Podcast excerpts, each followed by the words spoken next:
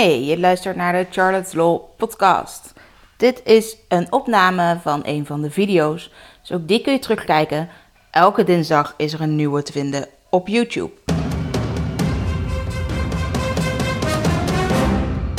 Charlotte, de privacyjurist van Nederland. Nou, je bent misschien al druk bezig met de AVG of je bent er nog steeds mee bezig. En dat is de nieuwe Europese privacywet die vanaf 25 mei 2018 echt van kracht is geworden. Je hebt dan verwerkersovereenkomsten nodig met partijen die nou ja, namens jou persoonsgegevens verwerken. Of misschien ben je soms zelf wel een verwerker. Nou, wat ik vandaag even met je wil bespreken is wanneer er nou zo'n situatie is waarbij je verwerkersovereenkomsten nodig hebt. En de belangrijkste zaken die verplicht in een verwerkersovereenkomst moeten komen te staan. Nou, een verwerkersovereenkomst heb je alleen maar nodig als een andere partij een verwerker of een verwerkersverantwoordelijke is. Dat betekent dat die andere partij voor jou persoonsgegevens verwerkt of dat jij voor die andere partij persoonsgegevens verwerkt. Als je alleen maar zegt, nou goed, uh, we doen samen iets, uh, we geven een gratis webinar uh, en eentje werkt daaraan mee. Zegt, nou oké, dan wil ik wel iedereen die wordt ingeschreven uh, voor dat webinar, daar wil ik de namen en de e-mailadressen van, want dan kan ik die mensen zelf ook benaderen. Nou, dat is dan op zich niet zo'n probleem. Daar moet je dan wel even toestemming voor vragen aan die mensen, dat het goed is dat je die persoonsgegevens doorgeeft.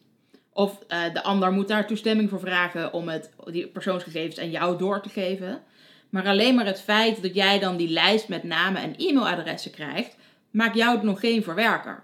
Je doet dat namelijk niet voor die ander of die ander verwerkt niet voor jou. Je wisselt die gegevens wel uit, maar omdat je ze niet voor elkaar verwerkt, is er geen sprake van zo'n relatie verwerkersverantwoordelijke verwerker. Dus alleen maar als je iemand anders inschakelt of een ander bedrijf inschakelt om voor jouw persoonsgegevens te verwerken of andersom, dan is er sprake van zo'n relatie waarbij je een verwerkingsovereenkomst nodig hebt. Nou, denk bijvoorbeeld aan Ehm, een website waar je eh, reacties op achtergelaten kunnen worden. Nou, die reacties, dat zijn natuurlijk namen en gewoon de inhoud van die reactie. Eventueel nog iets van een e-mailadres dat niet openbaar gemaakt wordt, maar dat wel wordt opgeslagen. Dat wordt opgeslagen gewoon op je website, zal ik maar zeggen. Dus bij de server waar ook jouw uh, website draait. Dan moet je dus met die hostingpartij, waar jouw website draait en waar die reacties worden opgeslagen, een verwerkingsovereenkomst sluiten. Nou, ben je ondernemer en heb je een boekhouder die al jouw facturen ziet, daar staan waarschijnlijk ook namen van contactpersonen in. Dat zijn ook persoonsgegevens. Dus moet je met je boekhouder een verwerkingsovereenkomst sluiten. Jij bent dan de verwerkersverantwoordelijke en de boekhouder de verwerker. En het voorbeeld van de website, uh, ben jij verwerkersverantwoordelijke, want het komt op jouw website terecht en die hostingpartij die verwerkt voor jou en is dan alleen maar de verwerker. Nou, zo kan dat dus met heel veel partijen het geval zijn dat je daar zo'n overeenkomst mee moet sluiten. Zijn het hele grote partijen, dan kun je daar over het algemeen uh, zo'n verklaring gewoon opvragen. Of ze hebben het uh, in hun algemene voorwaarden opgenomen of in een ander contract dat je al met ze hebt gesloten. Het hoeft namelijk niet een aparte overeenkomst te zijn. Het gaat er voornamelijk om dat je de belangrijke afspraken ergens hebt gemaakt. En dat duidelijk is dat jullie daar allebei mee akkoord gaan. Wat grote bedrijven dus doen, die voor heel veel verantwoordelijken uh, verwerker zijn, is het gewoon in hun eigen algemene voorwaarden of in hun eigen contract aanpassen. Dat is namelijk het makkelijkst. Ze willen ook met iedereen precies dezelfde afspraken maken. Nou, als je nou uh, het kleinere organisaties zijn, dan moet je soms gewoon met elkaar afspreken hoe je dit regelt. En is het geen kwestie van opvragen dan moet je soms zelf een verwerkingsovereenkomst aanbieden. Nou, wat is nou belangrijk om op te letten? Dus zowel als je een verwerkingsovereenkomst opvraagt, als dat je hem zelf gaat schrijven. Er zijn namelijk een aantal zaken die gewoon volgens de AVG, de Algemene Verordening Gegevensbescherming, in zo'n verwerkingsovereenkomst moeten komen te staan. Dat is onder meer het onderwerp van de verwerking. Wat ga je eigenlijk verwerken? Voor welke duur? Welke persoonsgegevens worden er verwerkt? Ook de categorieën van betrokkenen, dus de personen van wie de persoonsgegevens zijn, moeten genoemd worden. En alle rechten en verplichtingen van de verwerkersverantwoordelijke, dus niet van de verwerker, moeten ook in de overeenkomst terugkomen. Daarnaast heeft de verwerker natuurlijk heel veel verplichtingen. Die moeten ook in die verwerkingsovereenkomst terugkomen.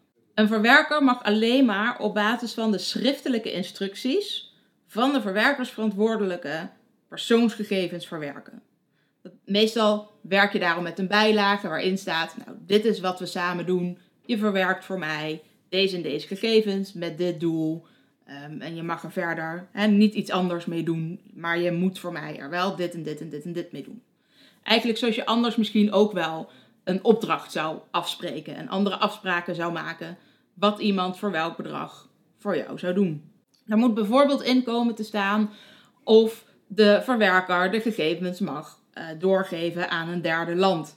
Dat wil zeggen een land buiten de EER. En zo ja, of daar dan wel zogenaamde passende waarborgen uh, voor zijn. Of dat het misschien een adequaat land is dat door de Europese Commissie al is goedgekeurd. Daarnaast moet de verwerker beloven dat er vertrouwelijk met de gegevens wordt omgegaan. Dus ook als er medewerkers zijn die met die gegevens te maken krijgen, dat die ook zorgvuldig met die gegevens omgaan en niet opeens lekker in de kroeg gaan vertellen wat voor persoonsgegevens ze nu weer verwerkt hebben. Daarnaast moet natuurlijk de beveiliging op orde zijn. Die beveiliging moet minimaal zo goed zijn als van de verwerkersverantwoordelijke zelf. Natuurlijk moet de verwerker ook gewoon meewerken aan het uitoefenen van de rechten van betrokkenen. En een recht van de betrokkenen is bijvoorbeeld het recht op vergetelheid. En bijvoorbeeld het wissen van gegevens. Nou, dat kun je aankaarten en verzoeken bij de verwerkersverantwoordelijke. Als die zegt, prima, ik ga jouw gegevens wissen, ja, dan moet dat dus bij de verwerker ook gebeuren. Die moet daar dus wel aan meewerken.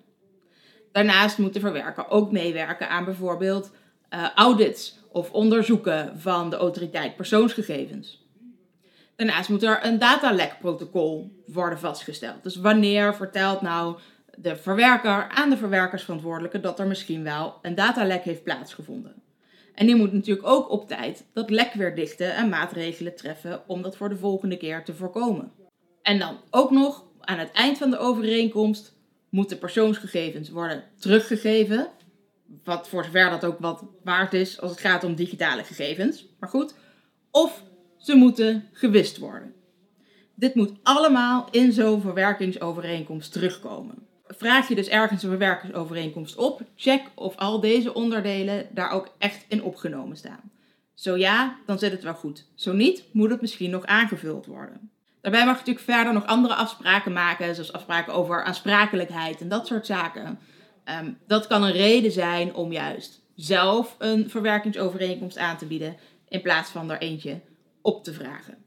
Ga je er zelf een opstellen, zorg dan ook dat minimaal deze zaken in een verwerkingsovereenkomst terechtkomen. En spreek verder vooral af wat je af wil spreken. Heb je nou hulp nodig bij het opstellen van een verwerkingsovereenkomst of wil je er eentje laten controleren? Neem dan gerust contact met ons op.